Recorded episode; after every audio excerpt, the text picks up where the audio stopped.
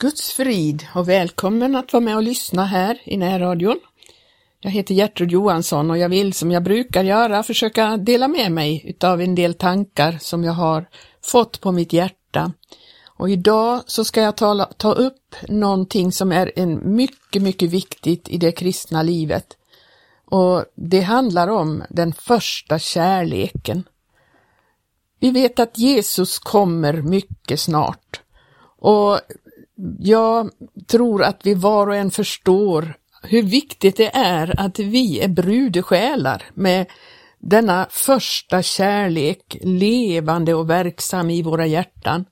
Så att eh, inte vi hör till dem som har övergivit den första kärleken. Vi ska börja med att läsa detta kapitel som är så säkert så väl känt för radiolyssnarna här. Eh, det som står i Uppenbarelseboken och andra kapitel till sändebrevet till Efesus. Jag börjar där, från första versen. Skriv till Efesus församlingsängel. Så säger han som håller de sju stjärnorna i sin högra hand, han som går omkring bland de sju gyllene ljusstakarna. Jag känner dina gärningar och ditt arbete och din ståndaktighet och jag vet att du icke kan lida onda människor. Du har prövat dem som säger sig vara apostlar men icke äro det och har funnit dem vara lögnare. Och du är ståndaktig och har burit mycket för mitt namns skull och har icke förtröttats. Men jag har det emot dig, att du har övergivit din första kärlek. Betänk då varifrån du har fallit och bättra dig och gör åter sådana gärningar som du gjorde under din första tid. Varom icke så ska jag komma över dig och skall flytta din ljusstake från dess plats, så framt du icke gör bättring. Men den berömmelsen har du att du hatar nikolaiternas gärningar som också jag hatar. Den som har öra, han höre vad anden säger till församlingarna. Ursäkta. Den som vinner seger, åt honom ska jag giva att äta av livets träd som står i Guds paradis. Vi ser här en församling som var full i verksamhet och eh, aktivitet och som hade burit mycket för, för Jesu namns skull och de hade inte förtrött förtröttats. De hade höll på att fortsätta arbeta. De, det står att jag känner din, dina gärningar, ditt arbete, din ståndaktighet. Och tänk att detta var i full gång. Men ändå så säger Jesus, jag har det emot dig att du har övergivit din första kärlek. Och det, det gör ju att man förstår att detta med den första kärleken är någonting så oerhört eh, djupt i oss och måste fungera, måste finnas där. Och om jag nu ställer frågor i det här programmet så är de frågorna lika mycket till mig själv. Hur är det idag? Är kärleken till Jesus likadan som den var den första tiden? Är gärningarna likadana som de var den första tiden? Hur står det till idag med denna kärlek som tar sig uttryck i gärningar? För det står gör åter sådana gärningar som du gjorde under din första tid. Hur är det med gärningarna idag? Och jag tänkte på ett, ett um, ord som står i Hebreerbrevet. Där står det ju i eh, 32 versen i tionde kapitlet. Då står det, men kom ihåg den förgångna tiden då, då ni sedan ljuset hade kommit till er ståndaktigt uthärdade mången lidandets kamp. Dels själva genom smälek och misshandling blev gjorda till ett skådespel för världen, dels led med andra som fick genomgå sådant Ty ni har delat de fångnas lidanden och med glädje underkastat er att bli berövade era ägodelar. Ni visste nämligen att ni har en egendom som är bättre och blir beståndande. Så kasta nu inte bort er frimodighet som ju har med sig stor lön. Ni behöver nämligen ståndaktighet för att kunna göra Guds vilja och få vad utlovat är. Ty ännu en helt liten tid så kommer den som ska komma och han skall icke dröja. Och min rättfärdige ska leva av tro. Men om någon drar sig undan så finner min själ inte behag i honom. Dock, vi hör inte till dem som drar sig undan, sig själva till fördärv. Vi hör till dem som tror och så vinner sina själar. Och jag tänkte på det här, man, jag tror att var och en kan minnas sin första tid när kärleken till Jesus verkligen svämmar över så till den grad att man är beredd att göra vad som helst för honom och man är inte rädd för att eh, hamna i förföljelse eller lidanden. Man, man, eh, som det står här, med glädje hade de underkastat er att bli berövade sina ägodelar.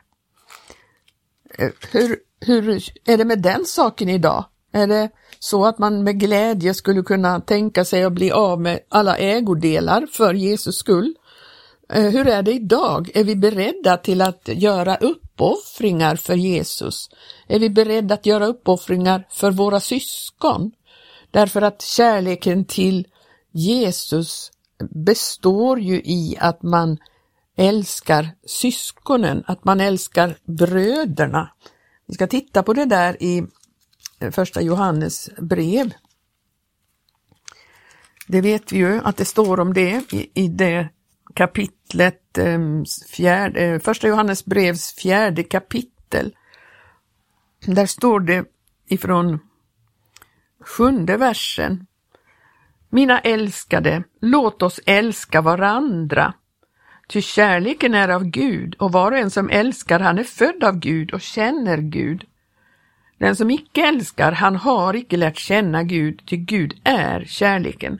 Därigenom har Guds kärlek blivit uppenbarad bland oss att Gud har sänt sin enfödde son i världen för att vi ska leva genom honom. Icke däri består kärleken att vi har älskat Gud, utan däri att han har älskat oss och sänt sin son till försoning för våra synder. Mina älskade, om Gud så har älskat oss, då är också vi pliktiga att älska varandra. Ingen har någonsin sett Gud. Om vi älskar varandra så förblir Gud i oss och hans kärlek är fullkomnad i oss. Och i eh, sextonde versen står det och vi har lärt känna den kärlek som Gud har i oss och vi har kommit till tro på den. Gud är kärleken och den, den som förblir i kärleken, han förbliver i Gud och Gud förblir i honom. Och så står det i 21 versen, och det budet har vi från honom, att den som älskar Gud, han skall också älska sin broder. Och i femte kapitlets andra vers så står det, därför när vi älskar Gud och håller hans bud, då vet vi att vi älskar Guds barn. Kärleken till Jesus uttrycker sig i kärlek till syskonen och i, också i kärlek till medmänniskan så att man verkligen vill vinna dem för Gud, att man eh, älskar människorna så att man ömkar sig över dem och vill ge dem budskapet om frälsning. Och eh, kärleken till Gud, kärleken till Jesus uttrycker sig också i uthållighet i tjänandet. Det, det är eh, i tjänsten, i tjänandet att, att eh, inte eh, ge upp, att inte slappna av i, i att ha nitälskan. Man kan ju titta i Romarbrevets tolfte kapitel. Det är ett mycket viktigt kapitel där det, där det verkligen visar sig hur det är om man gör det här, om man verkligen har fått det här, så, så uttrycker det sig i 12, Romarbrevets tolfte kapitel och nionde vers står det Er kärlek vare utan skrymtan.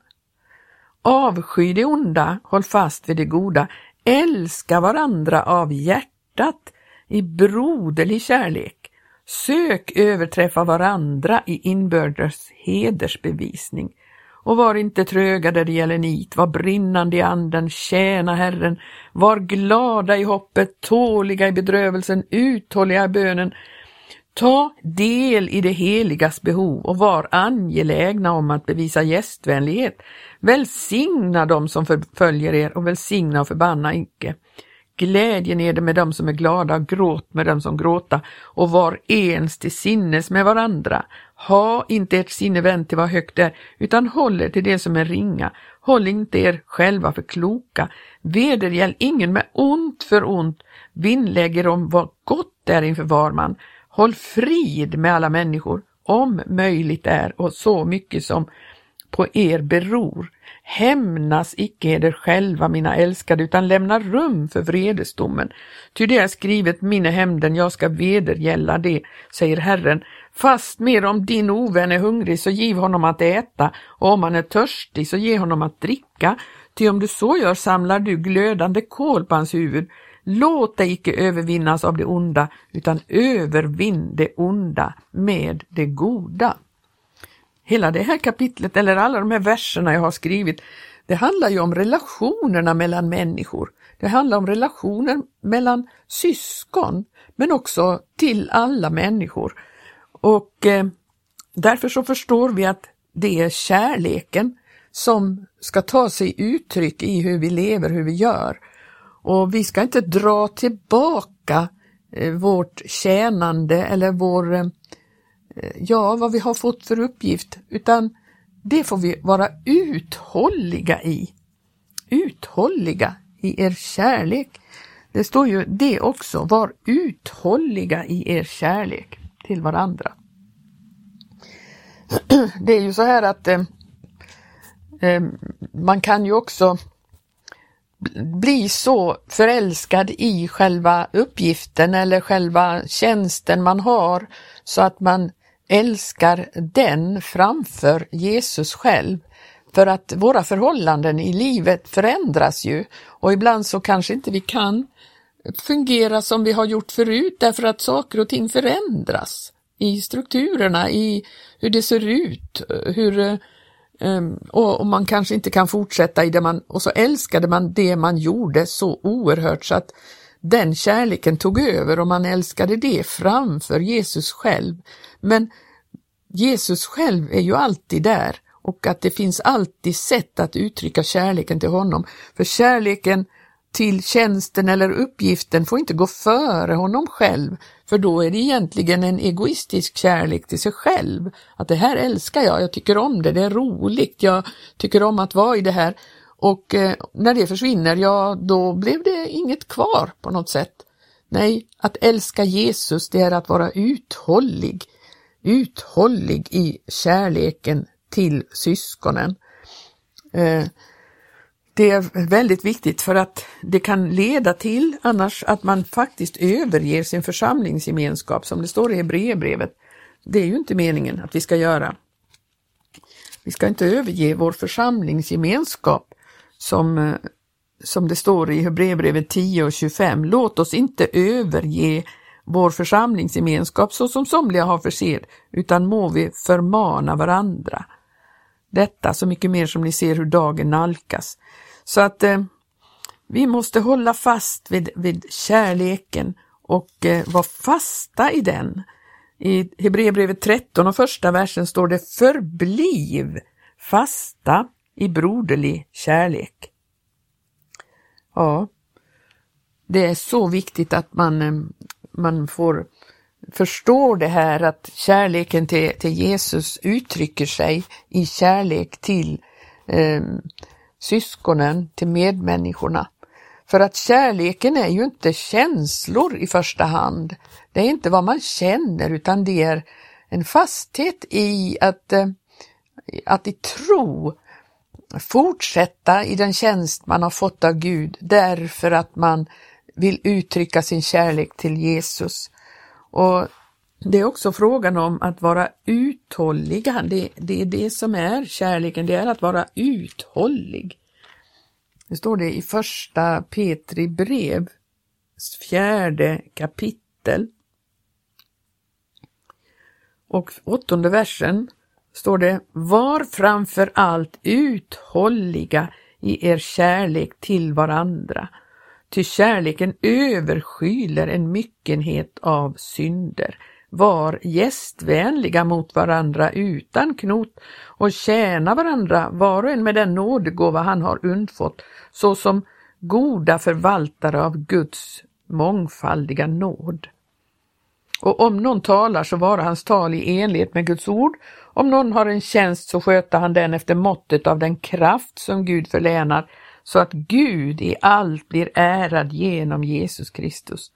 Honom tillhör äran och väldet i evigheternas evigheter. Amen.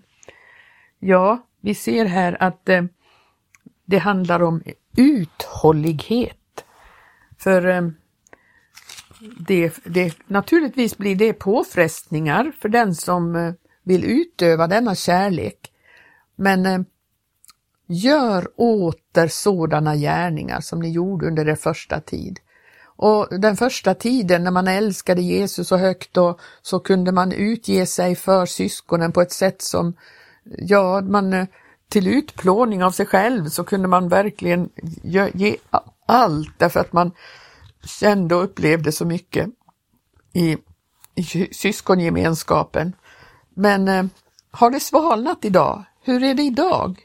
Är vi lika angelägna om att ge allt för Jesus? Är vi angelägna så att vi inte bryr oss om våra ägodelar eller att vi bryr oss inte om eh, bekvämligheten eller är vi, är vi beredda att uppoffra vår bekvämlighet för våra syskon? Det står ju också att vi ska vara gästvänliga utan knot. Alltså det kan bli så att man eh, när man tar emot gäster att man börjar knota över det och tycka att det är ganska jobbigt. Det är skönt att slippa att någon annan kan göra det och så vidare. Nej, det, det är viktigt att, det är, att vi är, fortsätter med detta därför att detta har en stor betydelse, att det finns gästvänlighet, att man är glad att ta emot gäster, att man tar emot dem för Jesus skull, därför att den som tar emot eh, syskon tar ju egentligen emot Jesus i sitt, eh, gör allting av hjärtat står det. Och också detta kan man göra av hjärtat i uthållig kärlek till varandra. I första Johannes brevs tredje kapitel så står det i artonde versen. Kära barn, låt oss älska, inte med ord eller med tungan, utan i gärning och sanning. Det är ju så lätt att, eh, att det blir bara ord. Man säger att man älskar varandra, man säger att man, eh, och man kanske tror på det själv till och med, men eh, det handlar om att eh, våra handlingar, våra gärningar ska bevisa att vi faktiskt älskar varandra. Det står så här i 16 versen, där därav att han gav sitt liv för oss har vi lärt känna kärleken. Så är också vi pliktiga att ge våra liv för bröderna. Men om någon har denna världens goda och tillsluter sitt hjärta för sin broder när han ser honom lida nöd, hur kan då Guds kärlek förbli i honom? Och så kommer den versen, kära barn, låt oss älska inte med ord eller med tungan utan i gärning och i sanning. Ja, det är verkligen så att vi behöver bli förnyade i denna kärlek bli, behöver leva i förnyelse så att eh, denna kärlek får ta sig uttryck och eh, i gärning och sanning till våra syskon. För att eh, det är det enda sättet som det faktiskt fungerar på, på riktigt. Det är ju när det inte bara är ord utan när det är i gärning och sanning. Vi ska titta på första Korinthierbrevet 13, det måste man ju ta med när man talar om denna kärlek. Kärlekens lov. Därför att eh, det är ju sådan denna kärlek är. Och det står ju i Romarbrevet att Guds kärlek är utgjuten i våra hjärtan genom den helige Ande. Och det är ju genom den helige Ande som vi har förmåga eller möjlighet att bli eh, utgivande av denna kärlek. Det går inte annars. Och eh, därför så får vi se till att bli uppfyllda av Guds ande och ständigt förnyas i anden så att denna kärlek fungerar ut, ut ur våra hjärtan. Vi läser första Korinthierbrevet 13. Om jag talade både människors och änglars tungomål men inte hade kärlek så vore jag allenast en ljudande malm eller en klingande symbol. Och om jag hade profetians gåva och visste alla hemligheter och ägde all kunskap och om jag hade all tro så att jag kunde förflytta berg men inte hade kärlek så vore jag intet. Vi ser att det handlade om eh, att tala tungomål på olika sätt. Det handlar om att eh, ha profetia. Det handlar om att veta alla hemligheter, att ha all kunskap och all tro. Det hjälper inte om inte kärleken är det. Och om jag gåve bort allt vad jag ägde till bröd åt de fattiga, ja, om jag offrade min kropp till att brännas upp, men icke hade kärlek, så vore detta mig till intet gagn. Allt det här kan också bara se så fantastiskt ut, men om inte kärleken där under är drivkraften så är det inget värt. Och så kärleken är tålig och mild, kärleken avundas inte, kärleken förhäver sig inte, den uppblåses inte, den skickar sig inte ohöviskt. Och den söker inte sitt. Den förtörnas icke. Och den hyser icke agg för en oförrätt skull. Den gläder sig inte över orättfärdigheten men har sin glädje i sanningen. Den fördrar allting, den tror allting, den hoppas allting, den uthärdar allting. Kärleken förgår aldrig, men profetians gåva den ska försvinna och tungomålstalandet ska ta slut och kunskapen ska försvinna och så vidare. Ja, denna kärlek behöver vi ha och utöva och vara uthålliga i. Vara uthålliga i kärleken till varandra. Därför att kärleken till syskonen, det, det är det sätt som eh, vi uttrycker vår kärlek till Jesus. Må Gud välsigna dig som har lyssnat och jag verkligen önskar att vi alla kan vara förnyade i denna kärlek ständigt, så att vi lever i detta förhållande till honom, så att vi är redo när han kommer. Han hämtar dem som hör honom till. Han hämtar sin brud och det är denna brudekärlek som måste finnas där.